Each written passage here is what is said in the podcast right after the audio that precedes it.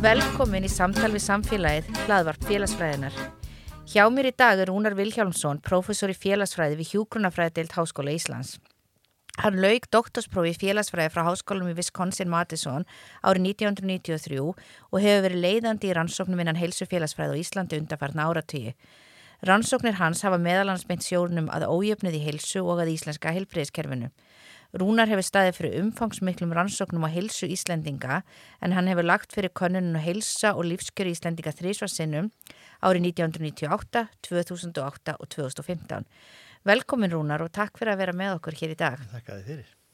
Mér langar að byrja á að heyra þess um hvernig þú valdir félagsfræðina þegar þú hófst nám við Háskóla Ísland sem var í kringum 1980 og kannski aðeins svona heyrum ég gerir ráð fyrir að bæði félagsfræðin og háskólinn hafi verið svolítið öðruvís en við eigum að kynast í dag Já, og svona sannarlega. hvernig það var að velja þess að grein og koma hinga. Sannarlega. Eh, Þetta var nú eins lengri leið að félagsfræðinni heldur en eh, einhver gæti haldið. Ég byrjaði reyndar í jarðæðlisfræði hausti 79 og þá byrjaði verkfræðideildin og náttúruvístadeildinnar fyrr og mánuði næstum fyrr, þrejum vikum fyrr og uh, svo fann ég mig ekki nægilega vel í þessu námi, hafði verið að verið á náttúrusvið í mentaskóla Já. en tekið félagsvísindin sem val og, uh, og þetta var nú kannski aðeins meiri áskorun fyrir það bragða að ég var engangum með kjarnanámskeið úr raunvísindunum en þetta gekk nú vel en vinnan var mikil og, og áhugin ekki nægur svo ég fór að skoða mig um betur og sá þá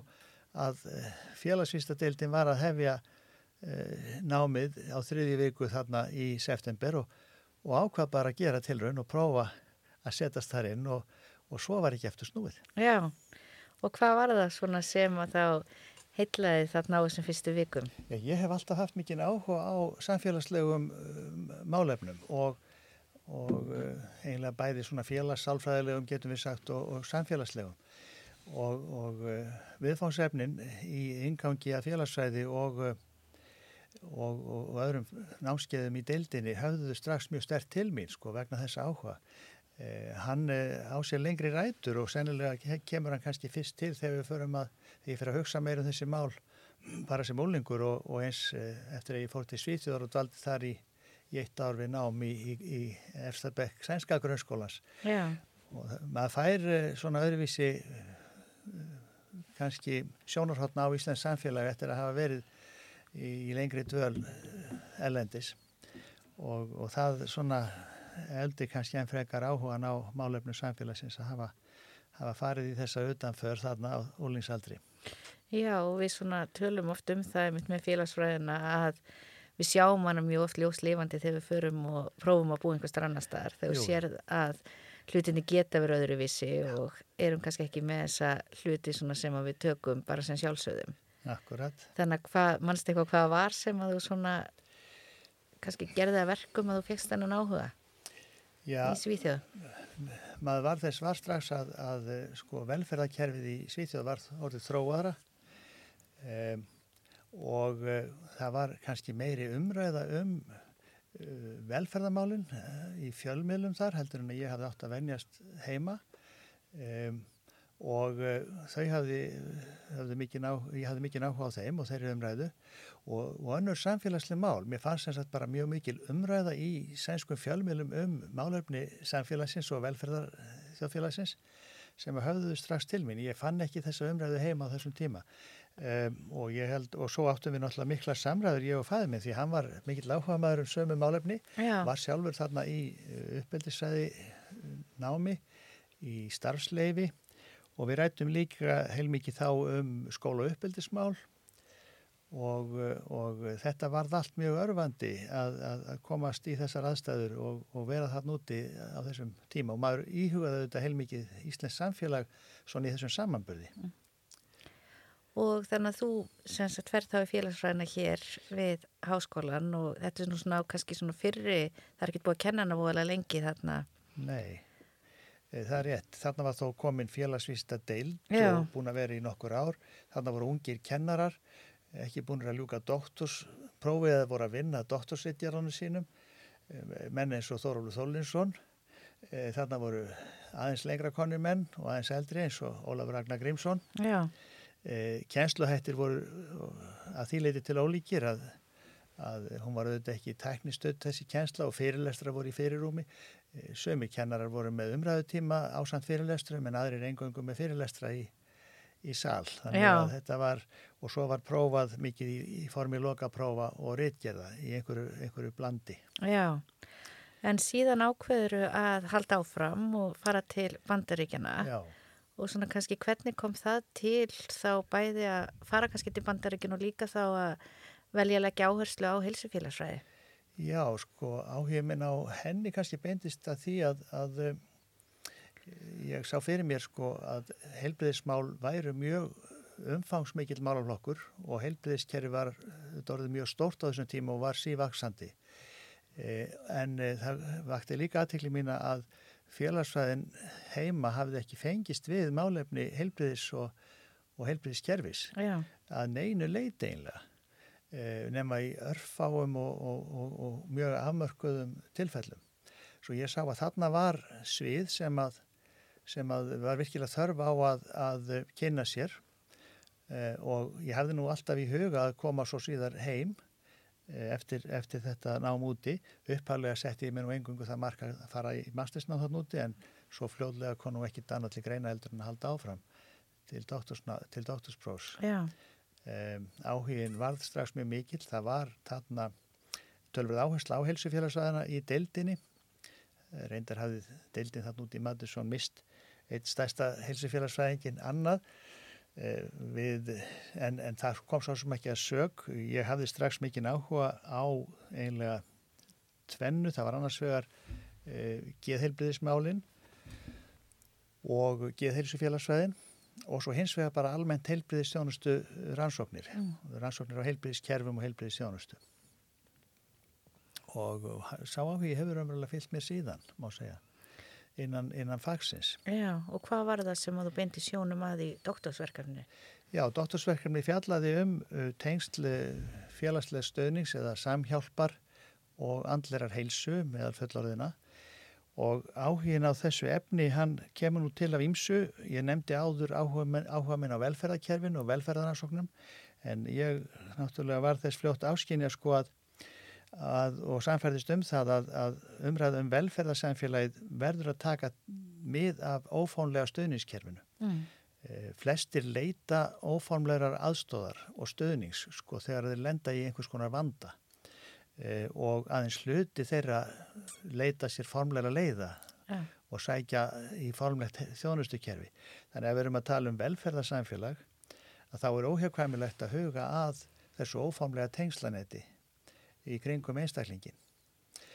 Og þar kom upp ímis aðtilisverð mál eh, eins og til dæmis að eh, aðgengi að þessari óformlega þjónustu er mjög misjáft.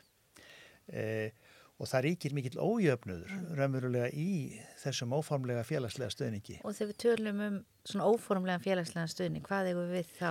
Já, við eigum til dæmis við það sem mætti kalla andlega stöðning, þar að segja að hafa verið í trúnaðarsambandi við einhvern og einhverja sem maður getur rætt við um persónulegu mál sem geta hugreist og uppörfað og kvart og þetta er stundu kallað emotional support, svo er það spurning um aðstóð við verkefni daglis lífs sem við getum kallað task support og svo er það aðstóð í samband við fjárhag eða efnahag, lán eða gjafir eða eitthvað slikt sko sem væru þá efnisleg aðstóð Mm. og, og svo ráðgjöf og ráðleggingar og ábendingar sko.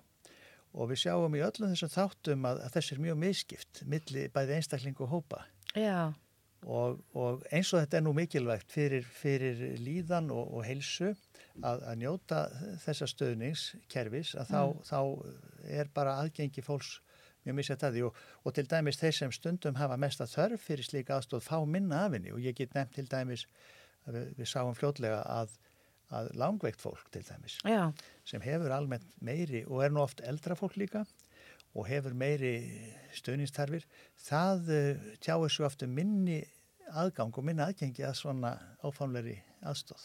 Já, þannig að svona svolítið þegar við hugsaum um ójöfnu þá kannski eru við oft svona hugsa um kyn, tekjur eða svona kannski þessa áskipuðu stöðu. Já, en þannig í rauninu er þetta sína og auðvitað getur það líka þá tengst því að þeir sem að tilhæra ákveðnum hópum eru þó líka líklegri til að hafa minna af Já. þessum björgum.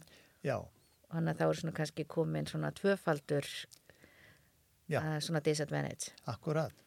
Og þá er spurningin um hlutverk sko, velferðaríkisins Já. altså, eh, og, og það í hvaða mæli það næra að jafna metin, Mm. jafna stöðuna Já, sem, að, sem við erum með þarna. Hluti af þessu stafar af því sem að, er nú vel þekkt í fjölskyldu félagsvæðinni að, að félagslegur ójöfnuður, hann, hann, hann endur speglast og, og, og fer áfram millir kynslaði gegnum fjölskyldur já, og, og hluti af þessu er það sama. já, En, en jafnvel í vinahopnum sjáum við líka að, að það er misjafn aðgangur að stöðningi já. millir fólks.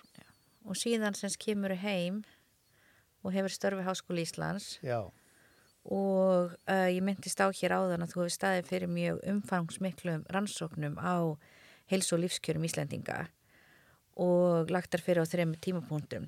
Og, svona, og ég held að mikið af því sem við fyrir að spjallum hér og eftir séu niðurstöður sem að koma einmitt úr þeim rannsóknum en kannski ég myndi byrja á að segja mér bara aðeins frá þessum rannsóknum af hverju þú byrjaðir á þeim okkur og taldir að væri mikilvægt að fara að sapna þessum gögnum og sapna þeim reglulega og svona aðeins um áhersluna í þeim. já. Eh, Þetta er að nokkru leiti framhald af mínu doktorsverkefni sem fjallaði um félagsleg eh, samskipti, félagslega stöðning og heilsu. En, eh, en ég taldi mikilvægt að kortleggja vel með, með vöndum og, og, við, og taldi við að miklum eh, spurningum og mælingum sem sagt eh, bæði lífskilrið og aðstæður og, og hegðun en einnig heilsu Íslendinga og það var svona útgangspunkturinn. Ég lagði upp með að til að skilja tengslinn á milli sko, félags- og efnagslegs bakgrunnseinstaklinga og, eh, og heilsufars og líðanar að þá er það að skoða þarna kannski e, tvo megin þætti, ég vil hugsanlega þrjá megin þætti getum við sagt. Í fyrsta lagi e, aðstæðu daglegs lífs og þá hversu krefjandi þar væru fyrir einstaklingin og, og þar var tvent, það var annars verið áföll uh, sem að kemur fyrir í, í daglegum aðstæðum fólks og, og svo langvinnir erfileikar, eða króniskir þráláttir erfileikar.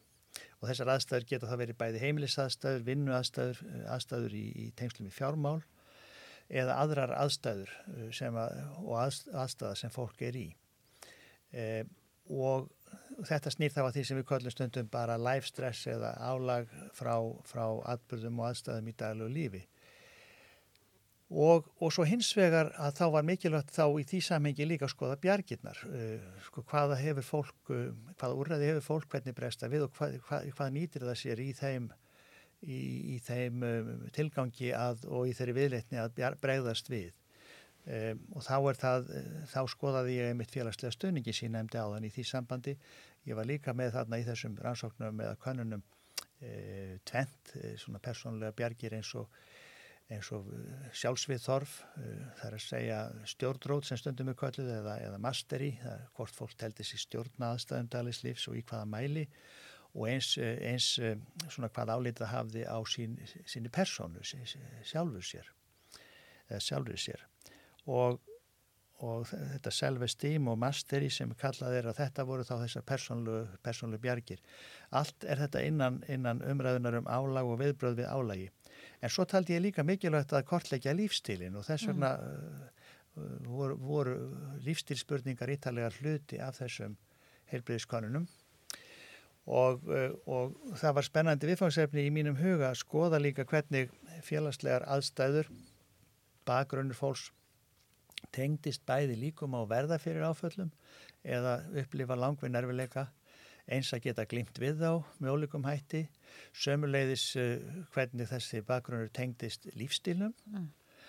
og, uh, og lífstílþáttum eins og já, við þekkjum reykingar, áfengisnótkun jáfnvel viðvarandi svefleysi um, e, og, og fleiri slíka mataræði var meiri sé að líka þarna skoðað í sérstaklega í spurningum og, eh, en, og með því að kortleggja þetta allt, eh, bæði álagsaðstæðunar, bjargirnar og, og lífstílinn, að þá var svona megin hugmyndin að, við, við, að það væri hægt að skýra betur þessi tengsl, sko, milli bakgrunnstáttana uh, og, og heilsufarsleira útkoma eins og líðanar eða, eða annarar uh, heilsu sem, að, sem væri þá til skoðunar.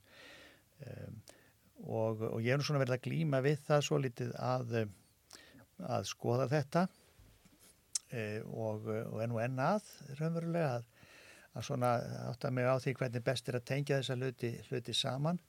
E, það, það er ljóst að, að áföll geta spilt lífstíl fólks og, og það er ekki hver sem er sem verður fyrir áföllum og, og það hvort að lífstíl, lífstíl spillist vegna áfalla er heldur ekki sjálfgefið og, og er misjátt. Þannig að, þannig að nú, þessar neikvæðu lífsinsbreytingar sem tengjast áföllum og erfileikum geta líka komið fram í tengslanettinu. Það er, það er nefnilega þannig að þeir sem verða því miður fyrir áföllum og langverðum erfileikum þeir lenda oft í því að það svona trostnar upp úr þeirra stöðniskerfi og það er þessi þversögn sem ég var að tala um áðan að stundum er það þannig að þeir sem hafa mest að þörf fyrir þennan ófónlega stöðning fá minna af honum Já. og við sjáum nokkra vísbendingar um það og þá getur orðið úr þessu sem sagt ákveðin jáðarsetning hjá fólki svona gagvært lífstilnum og líka ákveðin einangrun mm. og þessi tvei hugtug, jáðarsetning eða marginalization og, og svo félagslega einangrun að þetta eru svona þættir sem eru mjög hilsu tengdir Já og þá er maður svona farin að gera sér aðeins grein fyrir svona hvernig þessi, þetta ferli getur verið. En, en ég vil líka vara við því að, að, að, að þessi hort fyrst og næst neikvæðum augum þarna á möguleika einstaklingsins og einstaklingarna breyta aðstæðin sínu því að einstaklingar eru virkir skapendur og endurskapendur eigin umhverjus og aðstæðana líka Já. og við höfum nú oft verið vöru við, við því, því í félagsæðinni að að, að draga upp of passífa mynd af einstaklingnum Já. sem óvirkum og þólanda mm. aðstana sinna og við þurfum svolítið að byggja kannski inn í okkar hugsanir og, og líkon þessa, mögul, þessa möguleika sem einstaklingarnir hafa mm. og þá kem ég þessum björgum sko að, að við höfum líka bjargir alltaf þegar á bjátar og að vísi í misjöfnum mæli og þetta er flókið en, mm. en, en það er hægt að fá í miskonar svör í gegnum, gegnum hugsanir um, um áföllin, bjargirnar og lífstílin. En þá væntalega líka og sem komst inn á hér áðan að hugsa um þá raunin hvernig þetta síðan gerist kannski innan ákveði samfélags Já. og þá sérstaklega innan kannski ákveðins velferðarsamfélags og helbreyðskerfi þar sem að er kannski mismikil stuðningur við einstaklinga og þeir hafa mismikil möguleika á að Já. þá virkja þetta og breyta aðstæðin sínum á einhvern nátt. Nákvæmlega, nákvæmlega. Og, og ég held sko að við getum svolítið meiri sé að vika þessu umræðu út á tvennan hátt sko, annars vegar með því að taka sko lífslaupið inn. Mm. því, og það er nú vinsælt í dag að, að innleiða sko lífslaupið sem þátt sem þurfa að skoða og það kallar svona á lang, lengri tíma skoðun og þá erum við í rauninni að tala um að við skoðum auðvitað kannski eitthvað takmarka en svona bara frá í rauninni fæðingu til dauða. Eða eitthvað svona tímabil frekar en að horfa bara á einstaklinginu á einum tímapunkti. Já og við höfum auðvitað möguleika á því jafnvel innan okkar hefðbundu aðferða að spyrja fólk aftur í tíman, það er hægt að ná sæmilega áraðanlegum upplýsingu frá fólki um ímislegt, sérstaklega ef þetta eru stærri viðburðir og aðstæður, Já. aftur og bak. Við höfum oft glemt að gera það eða, eða hort fram hjá því að gera það til þess að skilja betur samhengi hlutana og, og svo er mikilvægt að geta fyllt fólki eftir ef við höfum kost á því í rannsóknum og til að átt okkur á svona hvers konar ferðlar, lífsferðlar komi í ljós sko, yfir tíma og, og, og þá reynda að skýra, skýra það. Við höfum auðvitað meðal hans hér á Íslandi verið mjög í söfnun á þvestnis upplýsingum á einum tímapunkti Já. en við þurfum að vika held ég þetta perspektíf betur út aðferðarfræðilega og svo er annað líka sem við þurfum að hafa í huga og það er að, að um, og það er mikilvægt og það er átt að segja á því að, að einstaklingar eru mislíkir og ólíkir og, og þeir eru staðsettir í fjölskyldum, þeir eru staðsettir í stopnunum eins og skólum og, og á akkunum búsættusvæðum og það hefur sín áhrif og við þurfum að geta kortlagt þessi áhrif á ólíkum sviðum eiginlega í kringum einstaklingin uh, og, og þetta er nú kannski aðferðarfæðilegt atriði mm. líka. Og svo það sem þú ert eiginlega í að fannst mér þarna það er með fjölþjóðlega samanburðin mikið af þessum rannsóknum hafa verið sko rannsóknir á Íslandi með einhvers konar svona umræðu um það sem gæti verið líkt og ólíkt uh, á Íslandu og annar staðar en nú erum við náttúrulega komið með gagnagrunna á síðustu árum sem að gefa okkur betri svona uh, samanburð uh, milli aðstæðina á Íslandi og, og hérna og, og, og í öðrum löndum. Og það eru auðvitað mjög spennandi þessar fjölþjóðlegu samstagsrannsóknir sem ég veit að þú er til dæmis þáttakandi í. Eh, þeir gagnagrunnar svara eh, spurningum sem að gagnagrunnar í einu landi getur auðvitað ekki, ekki svarað. En til þess þurfum við þá líka sko að fá uh, nákvæmur upplýsingar oft um aðstæður í löndunum heldur en við stundum erum með. Ég, maður hefur skoðað svona gagnagrunnar þar sem að mikið er spáði hvað það geti þýtt Já. að það sé munur á milli einhverja landa, segjum þryggja landa Já. móti einhverjum öðrum fimmlöndum en þetta verður oft spekulatíft. En, en áskorunin er að fá fyllir í upplýsingar fram í þessum fjölþjóður rannsóknum og þar eru miklu möguleikar fyrir félagsvæðinaldir. Já, og mér langar svona kannski að uh, snúa okkur aftur aðeins að uh, þínu rannsóknum þó ég Já. veit að við getum talað um þetta öruglega klukkutímum saman. En það er nú svona svolítið erfitt kannski að velja eitthvað þar sem að þú hefur náttúrulega bæði gert rannsóknar á mörgum sviðum félagsfræðinar og náttúrulega byrt uh, mikinn fjölda fræðigreina. En mér langar svona kannski að þess að byrja á þeim rannsóknum sem við myndum kannski tala um að myndum tengjast ójöfniði og helsa einhverju leiti og þá kannski bæði eins og segir svona kannski því sem við erum með svona á mun að byrtir hópum en líka kannski mun á aðstæðum fólks og kannski ómyndum svona kannski bara að segja aðeins um hvað væru kannski svona helstu hlutinni sem við ættum að vera að horfa á varðandi ójöfniði helsa á Íslandi Já. og líka hvort þú hafið eitthvað verið að sjá breytingar í konununum þremur að það sé eitthvað sem er að breytast yfir tíma Já, þetta eru góða spurningar ég er nú ekki vissum ég geti svaraði möllum nægilega vel en, en, en uh, það er rétt að ég hef skoðað svo litið eh, ójöfnuð í helsu og, og uh, þar kemur kannski ekki óvart að, að það er ákveðin munur til dæmis millir kynjana sem að leið, leiðir það, það, það neðstur sína og, og til dæmis það að, að það er meira um skamvin eh, líkamleg helsuvandamál hjá, hjá konum heldur en körlum. Og aftur og aftur kemur þetta fram. Það er minni munur þegar kemur að krónisku eh, sjúkdámanum en þó virðist meira um króniska sjúkdóma kvilla hvenna megin en, en þó jafnast á munur. Og þegar við erum farin að tala um alvarlegustu sjúkdómana þá í merkingunni stæstu dánarossækinnar þá eru kallarnir svona heldur, heldur hæra algengi. Og það skýrir kannski hæri dánatíðni líka mm. kallana saðaborið við konurnar e, og, og þetta rýmar alveg við það sem að það sem að sér í elendur ansóknunum e, varðandi, varðandi hó, lagskiptinguna aðra leiti þá er ég að tala um sko stjættaskiptingu eða mun eftir mentun og tekjum að, að þá eh, er líka ákveðin munur á milli starfstjetta. Ég notaði nú reyndar á sínum tíma gamla starfstjettaflokkun Sigur Jóns e, Björnssonar og Volgans Edelstein sem var sexflokkun sem er nú reyndar orðin úreld en ég uppfærði það nokkru leiti með tilliti til nýra starfa e,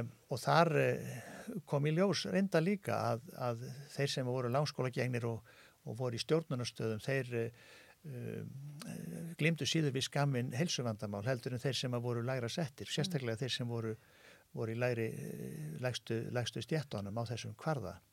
En svo þegar koma krónisku veikindunum þá var það áberandi að ími stöðkerrisvandamál voru algengar í verkalistjættinni heldur en, heldur en í öðrum, öðrum hérna, hópum. Það var nú kannski það sem var mest áberandi þegar koma krónisku veikindunum eftir, eftir stjættastöðu.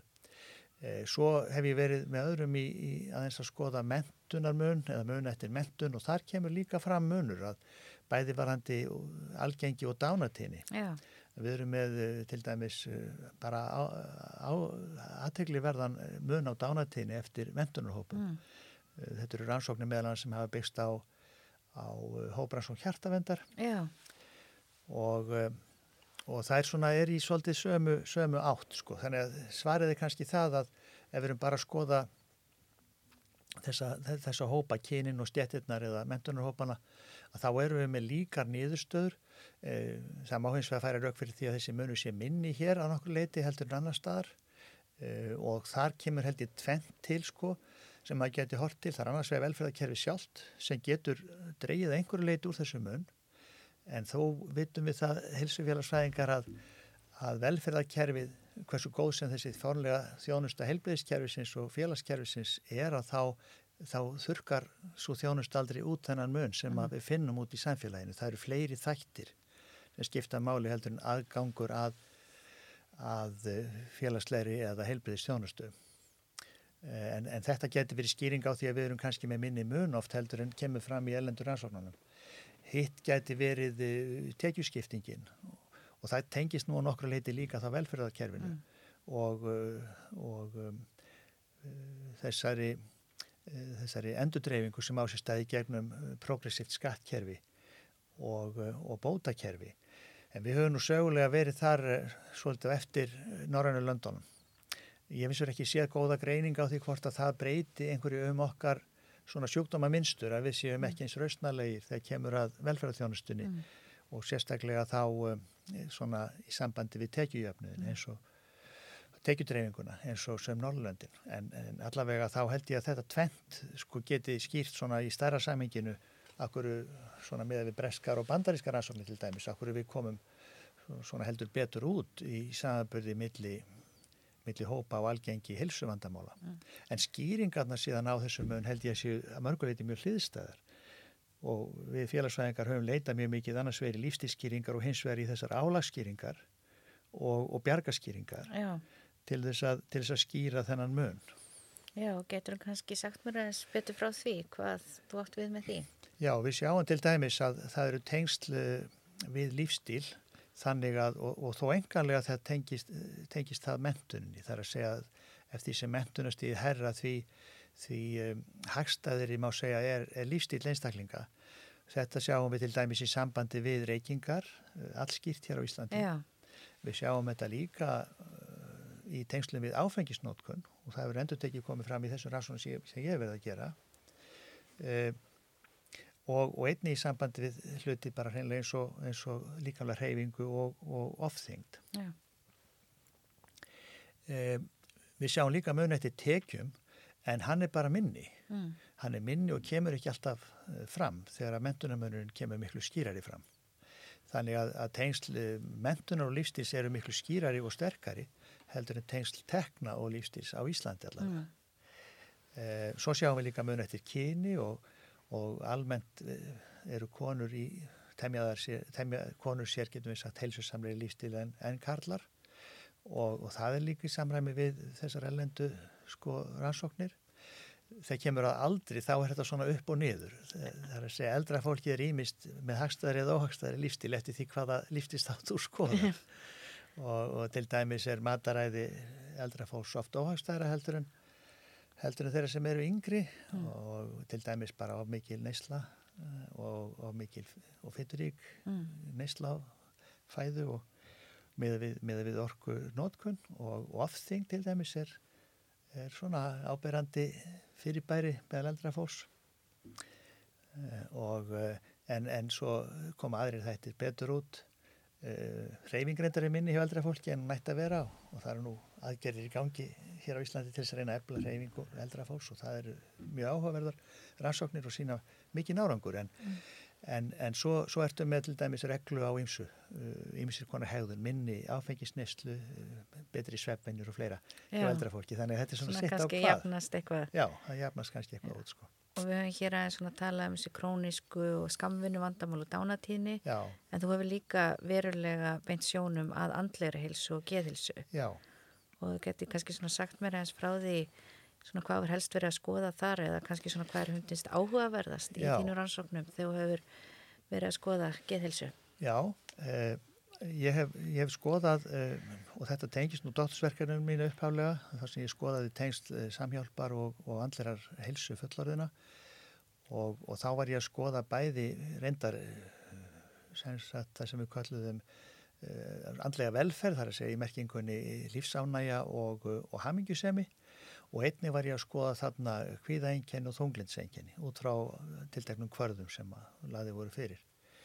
Og, eh, og það voru alveg skýr tengsl milli áfalla síðastlina 12 mánuði og langvinna erfileika og, og eh, neikværa útkoma þarna. Meiri hvíðaengjana, meiri þunglindsengjana og minni lífsánægi og hamingjusemi. E, en uh, samhjálp kom þann inn, það er að segja félagslegu stöðningur sem vendandi þáttur. E, og gerði það þannig að á tvennanátt, annars vegar þannig að það að, að hafa aðgang eða, eða telja sig hafa greiðan aðgang að einstaklingum til þess að leita til hvort sem það var vegna andlistöðnings eða, eða, eða annara þáttar, verklega hjálpar eða annara hagnitra þáttar var vendandi þar að segja þeir sem að höfðu þessa upplifun þeim leið betur og líðan þeirra og einkenni voru færri og líðan þeirra betri En svo sáum við líka í þessum rannsóknum að það var eitthvað samspil þannig að kæmu áföll fyrir að þá, þá gat uh, þessi stöðningur verið eins konar stöðpúði sem vendaði fólk fyrir afleiðingum. Þannig að fólk, og þetta tengist á þeim björgum sem fólk þarna hefur til þess að ráða fram úr aðstæðunum. Þannig að það er gott að eiga góða að, getum við að sagt, uh, og og það er gott almennt en það er líka alveg sérstaklega gott þegar eitthvað kemur upp á mm. og það, það, það, það kemur fram í þessum niðurstöðum. Heitir hann að mála að, að eh, það kom líka fram að það að eiga kost á aðstóð var almennt betra fyrir handlega hilsu heldur en raunverulega að fá hana. Já, ég mani mitt þetta kom fram bara því ég tók geðhilsufélagsfræðina hjá þeirra á sínum tíma.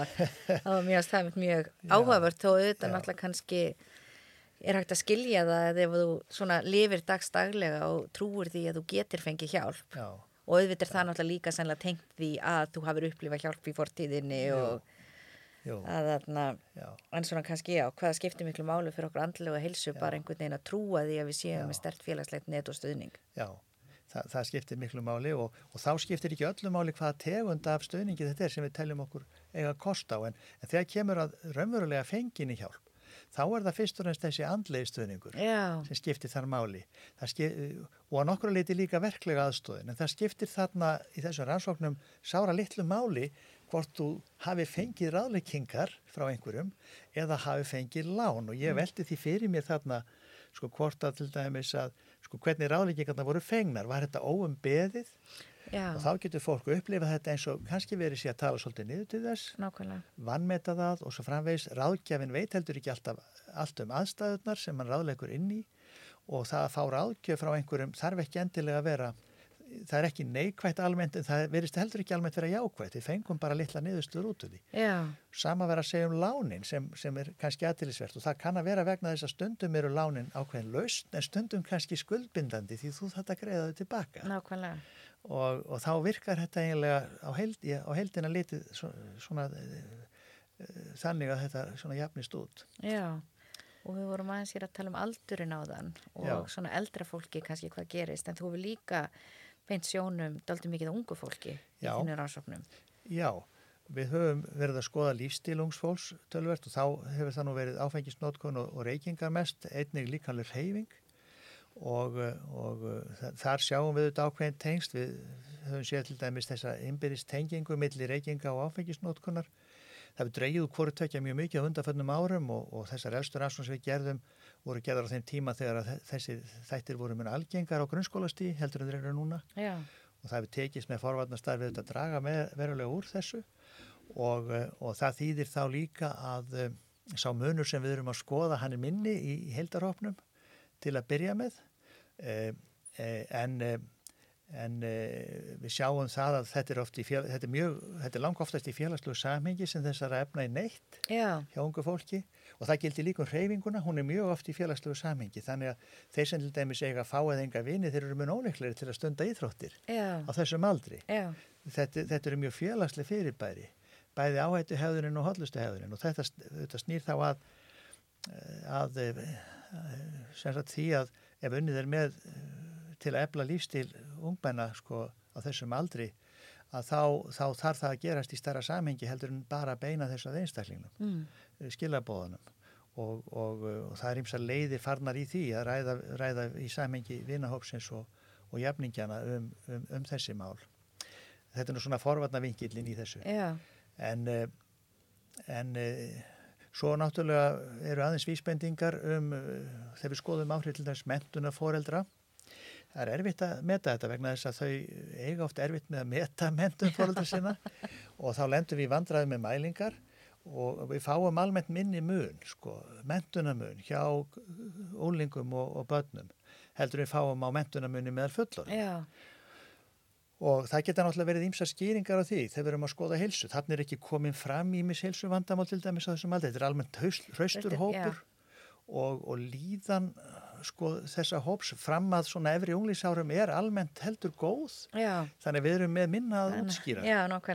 Og, og það kann að skýra akkur þessi tengsl eru veikari almennt sko. Já, Eh, Fyrir utan auðvitað áraðanleika mælingarinnar sem að er ekki eins mikill þegar við mælum eh, sko, mentun, mentun foreldra. Þess vegna hefur við greipið til þess ráðs í sömu þessar rannsókn að, spyrja meira um efnahag fjölskyldu út frá bara áþreifanlegum hlutum eins og hvort að úlingurinn býr í eigin herbyrgi og, og hvort að hann fær, færi til útlanda, nú er það reyndar dreigist í kófinu uh, og, og eins uh, hvort það eru bílar og hvað margir á heimilinu, Mm. margar tölfur, símar og svo framvegis.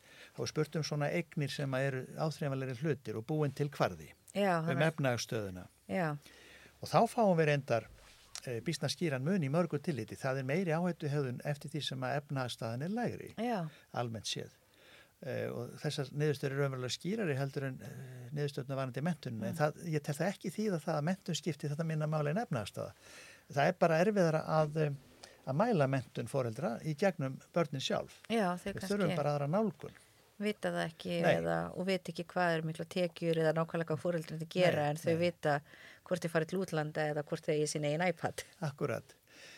En varðandi líðanina, sko, með lungsfólks, þá hef ég skoðað svolítið núna síðast einelti og við höfum verið að skrifa nokkra greinar um, um einelti. Já, Við reynda búum svo vel hér á Íslandi að það hefur dreigið verulega úr skráðu einelti allavega í skólum uh, í gegnum þessar úlingakannanir. Þá hefur það orðið niðurstaðan og við erum meðal þeirra landa sem erum eitthvað lægst sem sagt algengi og, og hérna, tíðni á einelti í, í þessum löndum sem gera þessa evrósku samanbörðaransók sem ég er að vísa hér til Já. meðal ungsfólks í sjötta, áttund og tíundabæk. En, en það breytir ekki því að, að þetta hefur klárlega fyrir þau börn sem fyrir verða uh, mjög alvarlegar afleðingar og það má jafnvel færa rauk fyrir því að, að það að vera eina barnið í skólanum sem verður fyrir einelti sé jafnvel sárara heldur en að vera eitt af fimm börnum já, sem verður í, í sama skóla sem verður fyrir því. Þannig að, og við erum með vísbendingar um það að þó að, að, þó að eh, neikvæðir atbyrði verði sjálfgjafari, eh, að þá, þá hafi það að verða fyrir þeim, jafnvel neikvæðir afleðingar heldur en það hafði áður. já, Uh, og það er kannski flókið að skýra út akkur það er, en það getur haft að gera með samanburð við aðra, einfallega. já, þegar þú ert svo eini sem að, ert- svo eina sem Já. er í þessum, Þá er kannski eitthvað Sporum, að þér, já. finnst þér, og svo framvegist. Þannig að það, það, er, það er það. En, en þetta, við sjáum alveg uh, afgerandi afleðingar af því að hafa orðið fyrir einelti í íslenskum grunnskólum. Og þetta er nú svona það sem við getum kallað líka svona dysfunction skólakerfisins, eins og margt fleira, talandi um, um það sem að samvirknikenningarna voru nú að tala um í sambandi við funksjónur og dysfunksjónur, að, að þegar að ungt fólk kemur saman og, og, og regluverkið er kannski ekki skýrt eða eftirliti nægilegt eða stöðningur er nægilegur af halvu fullorðina að þá, uh, að þá geta ymsir hluti gerst í, í, í, svona samhengi fríminútna eða, eða, eða, eða eftir skóla hjá, hjá þessum aldurshópi. En, en ég minnist þetta til dæmi sérstaklega þegar ég var sjálfur í grunnskóla að fríminútur voru og ég sé það eftir á fyrir söm börn í skólanum kvíðamál. já, algjörlega, Þetta voru krakkar sem skáru sig kannski einhver leiti úr fljótt á litið. já, Það þurfti ekki mikið til. já, allavega hann voðalega lítið eins og ég mann það, eða svona eitthvað sem var bara pikkað upp úr. Og stundum bara svona random og þú skildir ekki alveg af hverju það var, Akkurat og þetta var áður en að ölveðusar áallunin kom og, og þessar eineltis áallanir í skólanum.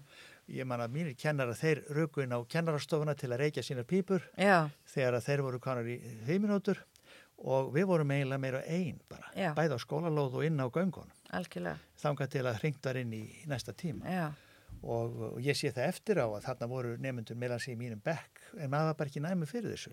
Nei, og sér þetta betur eftir á. Já, sem að, sem að áttu erfitt með, með frímínúturnar. Algjörlega, og maður sér núna að urðu fyrir ímsu aðkasti já, en höfðu ekki þennan þessa vend já, sem er komin þá, sem að komin er núna og, og við, viðbröð heldur þegar atvið kom upp sko. já, en það er allt mjög jákvætt svo Já. þróun er öll mjög jákvæð og mér langar svona kannski að færa okkur aðeins frá skólakerfinu og svona ójöfniði yfir í að tala eins um heilbreyðskerfið og Já.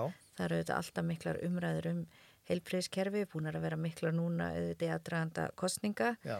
og svona hvað þeir að gera varðandi skipulagningu, fjármögnun, veitingu, þjónust og það eru svona endalus málefni og mér langar kannski svona áðurum fyrir mig rannsóknirnar bara að því oft kannski veit fólk þetta ekki nákvæmlega en svo nú geti líst fyrir mér íslenska heilsbríðiskerfinu í stöttu máli og þá kannski sérstaklega í samanburði við önnur kerfi Já. og svo kannski svona, já, getum við farið hans út í helstu vandamáli sem að kerfi stendur frammi fyrir. Já, kerfið náttúrulega hefur þróast til dæla rætt á undanfjöndum áratögum. Það var náttúrulega eh, sjúkratryggingakerfi eins og við kannski köllum með sjúkrasamlög sem fólk greiti til þess að öðlast endurgreislu rétt vegna eh, læknistjónustu, livja og, og annars eh, sjúkrahúskostnaðar.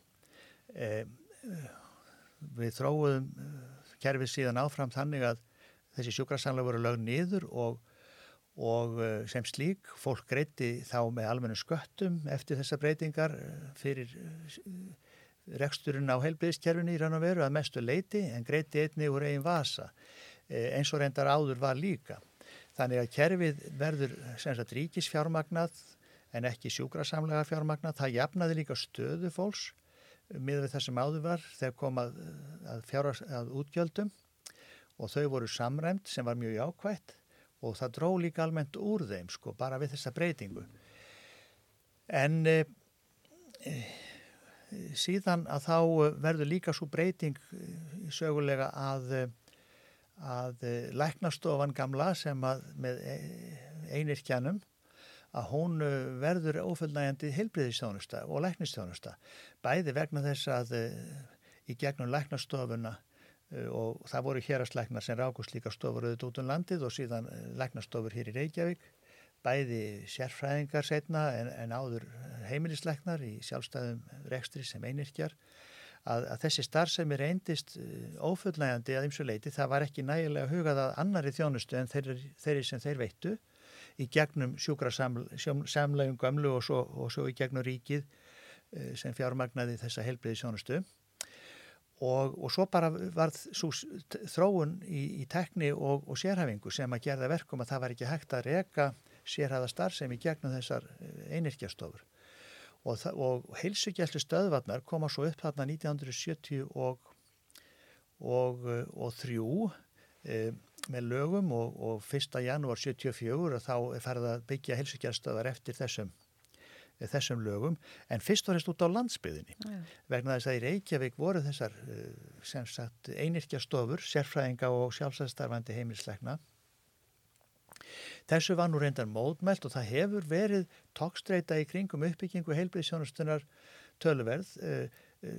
Læknasamtök hafa oft já, barist gegn því að hið ofinbera e, sérstaklega reki mm. starfsemi heilbriðsjónustunar og við, við sáum þetta til dæmis í deilunum uh, í Reykjavík um, um uppbyggingu heilsugjastustöfana þar þar sem að uh, bæði sjálfsastarfandi heimilsleiknar og, og, og sérfræðingar stöttu þau sjónamið að, að ríkið ætti ekki að reka sko heilbriðsjónustu allaveg ekki utan sjúkrahúsa Já. en þetta endaði nú þannig að hún fór hægt í gang og smátt og smátt en, en byggingin á heilsugjastustöfunum og starfseminn þar fór á eiginlega undan Mm. Uppbyggingunni hér í Reykjavík. Og þá var hægt að fara að veita fjölþættari þjónustu sko. Þetta hafði að gera með bæði eblingu ljósmæra þjónustunar og, og kjóknar þjónustunar en einnig annarar þjónustu sko, sem að stöðvarnar gáttu þá veitt en, en læknastöðvarnar veittu mjög lítið ekki. Og þannig breykaði þjónustu útbóðið og aðgengi að annari þjónustu. Um, og, og með fjölgun alltaf heimilisleikna sem að leita þessu líka þá jógst aðgengi að heimilisleikna þjónustunni sem var auðvitað mjög ákvæmt. Enga síður að þá fórum í margi sjúklingar í gegnum sko sérfræði þjónustuna, jáfnvel með almennari erindi Mm.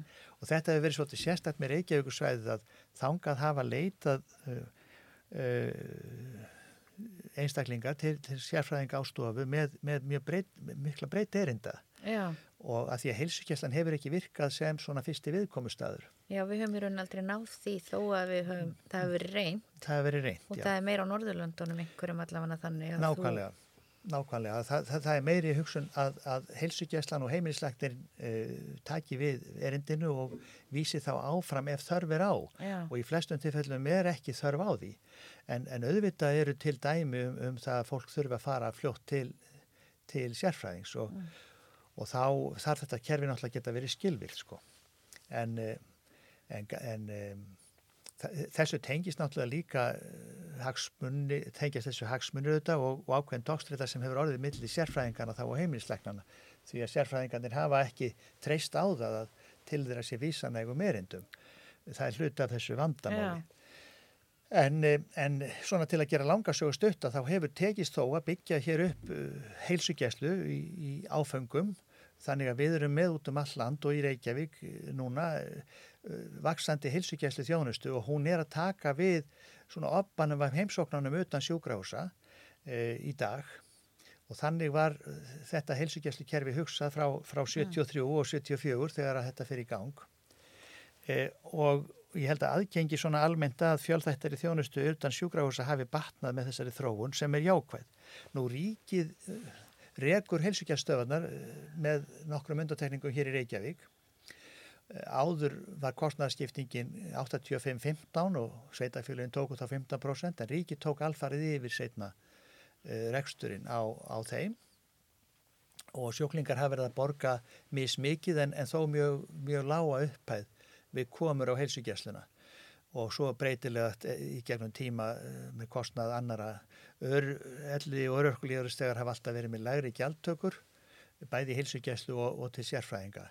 Og það er til að verja þá viðkvæmari hópa sem þurfa meiri þjónustu og, og, og, er til jöfnunar. Og við sjáum það til dæmis þegar við skoðum frestun, læknistjónustu og niðurfellingu hjá fólki, alminningi að, að það er minna um slíkt meðal, meðal eldra fólks til dæmis, heldur, en, heldur en yngri fullorðina og þetta, þetta greiðslukerfi við komum, komur á þjónustustæði hefur greinilega virkað held ég á þann hátt líka þá að dragu líkum á því eldra fólk og, og, og hérna lífeyristegar fresti, fresti komum sko. E, þetta er félagstætt kerfi og, og e, það þýðir þá að heið ofinbæra fjármagnar kerfið að, að langmestu leiti.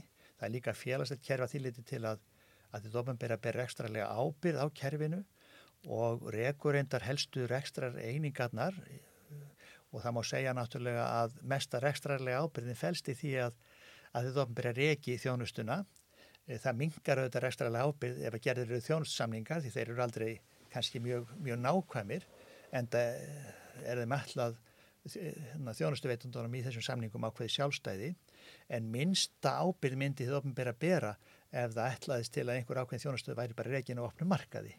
Já, það er kannski svona sem myndi langa eins að heyra um því að bæði held ég að sé oft mikil rugglingur hjá fólki hvað við eigum við með engarekstri og blönduðunrekstri og engavæðingu og þannig að kannski bara um þetta svona útskýra eins fyrir okkur þú veist hvað er það sem við erum að tala um sem þessi mismunandi rekstrarform og kannski þá líka velta fyrir okkur skiptir það einhverju máli til dæmis varðandi helsu þjóðarinnar og ójöfnuði helsu til dæmis? Já, mjög góða spurningar. Eh, sko þegar við tölum um enga væðingu og það er svolítið sérstætt að þá hefur orðið til hér umræða í ákveðnum hópum meðal hans í stjórnmálumræðinni eh, að, að enga væðing sé eitthvað sérstætt með öðrum orðum það að, að þið ofinbera greiði þjónustuna eða semjum hana. Að öðru leiti sé ekki um enga væðing að ræða. En enga væðing er, getum við sagt þrýþætt, hún er annars vegar hrein egna sala, sala og egna hlut ríkisins eða fyrirtækjum í eigu ríkisins eða, eða jafnvel heilum stofnunum. Það er eignar sala, annað væri, væri e, enga fjármögnun og hún getur gerst þannig að í vaksandi mæli greiði einstaklingar eða aðrar, aðrir engaðilar fyrir helbriðistjónustuna e, á móti ríkinu og þá erum við að tala um enga fjármögnun og svo er það þessi enga, aukni, enga rekstur sem við getum kalla líka enga rekstravæðingu en það er hlut af engavæðingu og ég tek eftir til dæmis í skandinavísku umræðu þegar ættur um privatiseringu eða privatisering að, að það verist ekki vera þessi, þessi óliki munur á, á, á skoðunum fólks og, og, og notkun á orðunum. En hér hefur orðið til að hluta pólitísk umræða um, um, um, um, um engaregstur sem að útilokkar að um sé að ræða engavæðingu mm. og það er svolítið sérstætt. Nei, það er, það er ef að menn kalla eftir því að, að engaðlar ekki í vaksandi mæli hilbriðsjónastunum, þá er það dæmi um um kröfum um engavæðingu eða aukna engavæðingu, nána tiltekki varandi reksturinn þetta er nú ekki floknar en það mm. en, en kannski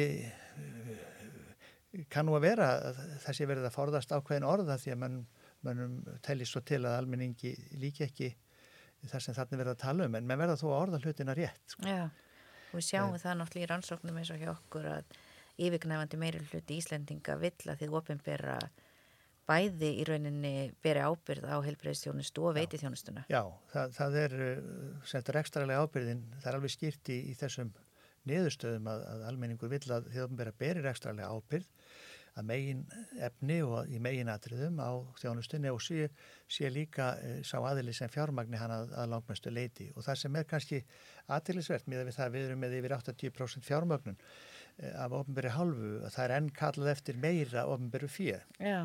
Uh, og það er yfirgnæfandi meira hluti sem kallar eftir því, yfir 80% aftur sko.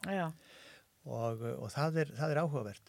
Einning áhugavert náttúrulega að heilbriðismálin eru eh, komin efst á, á lista í, í kostningum þetta voru þau mál sem voru í öðru sæti ef spurtarum mikilvægustu mál næst flestir voru með heilbriðismálinn sem mikilvægustu mál í kostningum síðast þegar þetta var mælt mm. að minni hálfur sko. en núna síðast að þá voru heilbyrðismálinn komin vel á toppin Já. sem þau mál sem að flestir lögðu áherslu á og þar munnaði töluverðu þegar farið var svo í næsta málaflokk sem voru umhverfismál. Þannig að það eru þessi tveir málaflokkar sem að, sem að brenna mest á, á, á kjósendum. E, það sem ég finnst kannski áhugavert við heilsufélagsvæðina, ég má aðeins koma því aftur, það er að eins og önnur félagsvæðin alltaf snertur hún mjög marga þætti sem að lúta dælu lífi og kjörum og og aðstæðum fólks en, en e, það sem hefur alltaf heilað mig líka við hilsufélagsfæðina er að hún, hún tekur mið af einstakling, einstaklingi og hópi ekki bara út frá um, hvað, hvað segir maður svona uh, uh, því að um sig að ræða uh, einhverjar, einhverjar personur sem ekki eru, ekki eru, ekki eru í líkama. Sko, heilsufélagsfæðin hún fæst við líkamlegar verur sem myndahópa og er undir áhrifum af aðstæðum sínum og, og, þe og þeir eru þáttökur í samfélaginu sem að, sem að einkennir þessa einstaklinga en þeir og, og líkami þeirra og samfélagi þeir í alls konar tengslu. E, og eitt af því sem að félagsfæðingar benda á, á þessu sviði er, er að líkamstar sem er manna hún er háð því hverjar aðstæður þeir eru, hver, hver staða þeirra er í þjóðfélaginu og hvernig lífslaup þeirra þróast. Og, og, og þetta að taka líkamann inn í félagsvæðina er bara mjög spennandi viðfánsefni og við hefum ekki eftirláta líkamann sko heilbriðsvísindón við hefum að vera, vera á fulli því að skoða hvernig líkamlegt ástand einstakling og hópa mótast af aðstæðum og umhverfi Já. og við höfum þar heilmikið að leggja til málana sko. Já og þarna svona tengt kannski þessu helbriðskerfum svona komaðins aftur í Já. það með því að þú líka verið að skoða aðgengi Já. og þarna, sem er náttúrulega eitthvað kannski sem við höfum áhugjur af, eða gætum aftur áhugjur af varðandir rekstraformi, hvort það skiptir einhverju máli Já. þannig að bæði svona kannski að segja hvað svona rannsóknir erlendi sína varðandi það en líka bara þegar þú hefur að skoða að því að hér myndu við sjálfur sér gera ráð fyrir því allir myndu sækja sér læknistjónustu þegar þið þurfið allavega að það verð ekki fjárasleira áökjur sem að myndu valda því að fólk myndi ekki sækja þjónustu. Góða spurningar aftur, sko það er spurningin um rekstraformi til dæmis og, og aðgengið. Eh, eitt af því sem hefur verið skoðað og við erum þegar með gögnum, til dæmis bandaríska rannsóknir og sænska rannsóknir mm. sem er langar að nefna sérstaklega, það er að, að eh, það líkur fyrir til dæmis í bandarísku rannsóknum að, að, að þau sjúkrahús og helbriðstofnarnir sem reknar eru á enga grundvöli, þar að segja eru í enga rekstri og eru reyndar í því tilfell að stórun hluta fjármagnar með, með, með hérna gegnum enga aðila, þar að segja tryggingafjörlög og einhver leiti útgjöld sjóklinga að staðsetning þeirra er mjög mikið í, í þéttbíli fyrsta lagi og ekki hvaða þéttbíli sem er mm. Eh, þessi sjókrahús eru enga sjúkrahús til dæmis eru gætnan í, í borgarumhverju sem það sem að staða íbúana er, er betri og, og eftir því sem borgirnar eru lægri tekjur í borgonum og jafnvel í stóru hverfunum ef þetta eru mjög stóra borgir að því ólíklar er að það sé enga sjókrahús. Þannig við sjáum að ákverðun, ákverðunum staðsetningu er mjög tengd svona félags- og efnagslegum aðstæðum í borginni eða borgonum og, og sjálfsögðu er dreifbili þarna og minni, eh, minni sveitafjölug og, og bægir uh, í annari stöðu heldur en heldur en, heldur en stærra þéttbílið. Þetta er ekki eins ábyrgandi þú skoðar ofnbært rekna, reknu sjúgrási. Þau eru dreifðari og, og þau eru ekki eins koncentreruð eða þau þjappast ekki eins saman á ákveðnum svæðum og í ákveðnum, ákveðnum umhverfi, félags- og efnarslu umhverfi. E, og þessar rannsónir eru mjög vel þekktar. E, aðgengi að enga sjúgrásum er þess að annað meðal hans landfræðir aðgengi. Já alveg bursið frá tryggingastöðu því það er nú annað vandamál líka mm. að þú þart að vera með góða tryggingar til að komast, komast þar að yeah. uh, og þau vísa mörg á ofnböru sjókrahúsin eh, ef að fólk hefur ekki fulla tryggingar nema undir alveg sérstökum kringastöðu þar sem fólkið er, er nær döðin lífi yeah. þar er þeim skilt eh, almennt að, að taka sjóklingin og velta kostnæðinum yfir á aðra, aðra sjóklinga mm eða tryggingafélag þeirra Já. en, en sem sagt ef að, ef að kostur er að vísa frá þá er það vel þekkt í, í bandaríkjónum að, þá, þá er þessum fólki vísa frá ef það þá hefur það sko aðgengi að, að þeirri þjónustu. Nú sænskur ansóknundar þær eru áhugaverðar því að það var uh, uh, gerð mikil breyting í hilsugjæslinni í Svíþjóð með, með lögum um svo kallar vordval. Þá gáttu einstaklingar og við höfum tekið seipa kerfi reyndar á Reykjavíksvæðinu. Þá gáttu einstaklingar vali sér heilsugjæslu stöð og peningurinn fylgdi stöðinni. Mm. Þetta leiti til þess að, að það sprutt upp nýjar heilsugjæstöðar. Það voru engin skilirði sett um það að það þurfti að vera ákveðna þarfir fyrir þessar heilsugjæstöðar á svæðunum Já. og í mörgum tilfellin gerist það að það sprutt upp engaregna stöðar þar sem að voru fyrir ofnbært stöðar og út frá hlutlægum mæleikvarðin var ekki að tala um að, að það væru endilega, endilega þörf fyrir þessa viðbútarstarfsemi.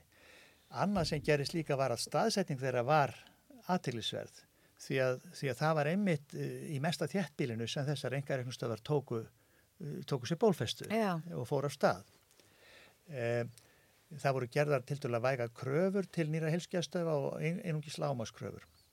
E, niðurstaðan er svo að það hefur fjölgað mjög helskjastöfum við Svíþjóð, e, ekki alltaf það sem þarfin er mest og reyndar vantar heilsugjæsistöð var einmitt þar sem þörfin er mest og það hefur orðið meiri ójöfnudur þó að, þó að það með sína fram á með tölum að, að, að aðgengi að heilsugjæslu hafi í heildina aukist mm. með þessu nýju stöðum þá eru ójöfnudurinn í aðgenginu á sama tíma aukist Já. og það er út af, út af þessari þróun í, í staðsetningu stöðvana og, og landfræðilegu aðgengi annars mm. stöðvana. Það er ekki það að það taka ekki við þeim sem óskættir að skrásiðar heldur meira það að að staðsetning þeirra hefur þarna ákveðin áhrif. Og þetta er auðvitað forvitnilegt. Og þetta tengist því sem ég saði áðan að, að eftir því sem að þið ofinbæra hefur minni, ber minni ábyrð rekstralega á kerfinu og, og kerfið er opnara með tilliti til stopnunar nýra starfsemi, nú eða fjármögnunar nýra starfsemi ef út í það færi, að, að, að því, meiri, því meiri hætta er á ójöfnuði í kerfinu. Og, og þetta eru raukinn sko fyrir aðkomið sombera, það er að með aukinni aðkomið sombera í félagslegu kerfi sem er í grunninn félagslegt að þá, þá, þá jafnast aðgengið að þjónustunni. En við erum hins vegar með krafta sem vinna svolítið gegn þessu. Kanski þessi kraftar eins og ég var að tala um að, að auka engareksturinn. Ann aðri kraftar sem vinna gegn jöfnu aðgengi er, er bara þessi sérfræðið þróun. Já. Að við erum komið með bara uh, stóru aukna sérfræðið þróun sérstaklega í lækningum, lækningum uh, í lækningsfæðinni undirgreinar og undirgreinar undir undirgreinum mm. og, og, og auki námsók sem tengist þessum, þessari sérhæfingu og, og eftir því sem að þjónustan verður sérhæfaðri því meiri tilneying er að þjappinni á færi staði Já. og þetta er þróun sem hefur gerst í nágrannlöndunum líka við erum með hátæknisjókrahús í þessum löndum sem eru bara á völdum stöðum, bara mm. fá og Við erum til dæmis, í Svíþjóð til dæmis eru hátækningssjúkrahús í Lundi, Gautaborg og, og hérna og, og Stokkólmi. e, og þetta hefur aukið vegalengdir ákveðina sjúklingahópa frá því sem áður var. Er, þetta hefur orðið meiri samþjöppum þjónustunar. E, og þetta hefur komið til umræðu núna í kostningabarottinni, sá ég var í aðrænanda kostningarna, sérstaklega varandi þjónustun og landsbyðinni. Já. Nú getur þú farið frá, að þú fer frá Akureyri og alla leið að í rauninni að, að selfossi, þá er engi hjartalæknir Já. á öllu þessu sveiði. Já. En hjart- og eðasjúkdómar eru algengustu krónisku sjúkdómanir í landinu. Og þeir eru ekki bundin við Reykjavík sveiði. Nei, nákvæmlega. Og þetta er bara, og, og, og svo getur við talað um geðhubriðsjónustuna. Já. Og þú, þú ert með geðsjúkráðstjónust á tveimur stöðum á landinu. En, en geðlænsstjónustan, uh, að segja utan sjúkrása, sem er jú enga, í enga rekstri, Já. hún er koncentrerið hér í Reykjavík. Já. Og, og ef við tökum bara aðra læknistjónustu sem er enga reikin, þá er hún líka meir og minna koncentrerið hér í Reykjavík. Uh, af því að þetta eru rammasamningar og fólki er frjálst að ákveða staðsetningu sína meir og minna bara eftir því sem það telur sér henda og rekstrinum henda og þá verður þetta niðurstaðan að því að ríkið er ekki að stýra Stýra því að þarfir, segja. þarfir mæti, mæti eftirspöld mæti frambóði Já. og fólk hefur yfirlega þurft að ekki bara gera sér ferð söður heldur þeir sem eru langveikir jáfnvel að flytja Já. til þess að, að komast nær þeirri þjónustu sem í bóði er. Þetta er, þetta er vandi og, og það er engar góða lausnir en, en við kunnum að hafa gengið og langt í samþjöppun í ýmsum tilfellum. Ég held að hver heilbyðistofnun ætti að hafa uh, hjartalegni Já. ef vel væri uh, búið og, og að lámarki almenna livlækni, Mm. Hver einasta heilbyðistofnun, hugsanlega barnalækni líka, uh, auk hilsugjæslulækninga og nú er ég bara að tala um læknisfræðina Já. uh, að ég tala ekki um sálfræði þjónustu uh, á þeim heilsugjastöðum sem heyru undir heilbriðstofnunina og, og aðra félagsþjónustu og, og, svo, og svo einnig aðgengilega hjóknarþjónustu, bæði í gegnum hjóknarheimili en einnig, einnig í tengslum við heimahjókrun. Og, og þarna bara sjáum við mjög missjafna dreifingu starfsmanna og mismunandi aðgengi. Og það er alveg, alveg sama hvað þú lítur á. Ég hef verið að skoða svolítið landfræðilega dreifingu Já. bara út frá tölun landlæknis. Og við sjáum að e, það er mjög ójöfn dreifing tannlæknstjónustu landfræðilega. Það er líka mjög ójöfn dreifing geðlæknstjónustu e, það er mjög ójöfn dreifing einlega flestra sérgreina læknsvæðinar hún er miklu jafnari þegar kemur auðvitað heimilislækningum. Og það segir sér sjálft og það er ára- árangur heilsugjaststöðvarinnar ef að heilsugjaststöðvarnar hefði ekki verið byggður út á landi þá getur ímyndaði hvernig staðan verið í dag. Nákvæmlega. varandi, varandi sko engareknar læknastofur, heimilislæknastofur sem voru jú hérna í Reykjavík og eru reyndar örfáir ennþá, sjálfstættarandi heimilislæknar hér. En ef við værum bara að byggja þjónustun upp þannig e, þegar kemur að heimilislækningu þá værum við með miklu meiri samþjöppum heldur en við þó erum með í gegnum þessa skipulóðu stöðvar út um landið. Já. Og svo kannski bara, það er ímislegt sem enn er eftir að ræða og mjög margt, Já, en við erum nú líka búin að fara hér yfir ímsa hluti, en svona kannski bara aðeins í lokin að nú ert þú búin að vera að vinninan helsufélagsfræði í marga áratíi og svona kannski hvað myndir þú sjá, segjum kannski fyrir einhvern sem að myndi langa að fara og læra helsufélagsfræði eða eitthvað slíkt, hvað myndir þú svona sjá sem kannski helstu áskorundnar sem við stöndum frammi fyrir hér á Íslandi í helbreyðismálum en líka bara hvað er svona spennandi rannsóknarverkefni fyrir félagsfræðinga, hlutir Já. sem að við eigum og þú komst náttúrulega aðeins inn á áðan með eins og líkamann og það er náttúrulega eitthvað sem sér mjög fljótt í helsufélagsfræði með að aðra félagsfræði að Já. við komumst ekki upp með það að viðurkenna eða láta eins og fólk sé ekki með líkamann akkurat. Já, ég held að það sé mjög mörg spennandi verkefni á þessu sviði eh, framöndan. Um, eitt sem er dettur í hug og það var þar íslenskar aðstæður. Við, íslenska samfélag hefur að breytast mjög hratt og ég nefni sérstaklega fjölda fólks af velendum uppruna sem hingað er komið. Og, og þetta, þetta eru mun hærri tölur heldur en að flestir gera sig grein fyrir. Þannig er stór hópur. Hann verður viðskila við margar kannanir sem við gerum hér, sem að, þar sem eru laðið fyrir íslenski spurningalistar. Já. ég nefni bara eitt aðferðarfræðilegt atriði. Og ég verða að játa sök sjálfur í þessum efnum því ég hef ekki skoða skipulega þennan hóp einstaklingar sem eru að velendum uppruna og tala kannski ekki góða íslensku. Uh, hvert er aðgengi þeirra heilbriðisjónustu? Hvert er heilbriðis ástand þessa fólks? Uh, hver eru félags- og efnarsleira aðstæðu þessa fólks? Við þurfum að vita miklu meira um þennan hóp uh, einstaklingar sem hingað eru komnir á síðustu árum. Bæði fyrstu kynslu og jáfnvel aðra kynslu þessa fólks líka. Því að það eru vísbendingar út í heimi um það að önnur kynsluð, uh, að líðan annara kynslu sé jáfnvel lagari Já. heldur en fyrstu kynsluðar. Vegna þess að fyrsta kynsluðar er með samanburðin úr upprunnulandinu sem oft er, oft er neikvæð fyrir upprunnulandið. En, en eh, næsta kynsluð eftir er með samanburð við landið sem það býr í Já.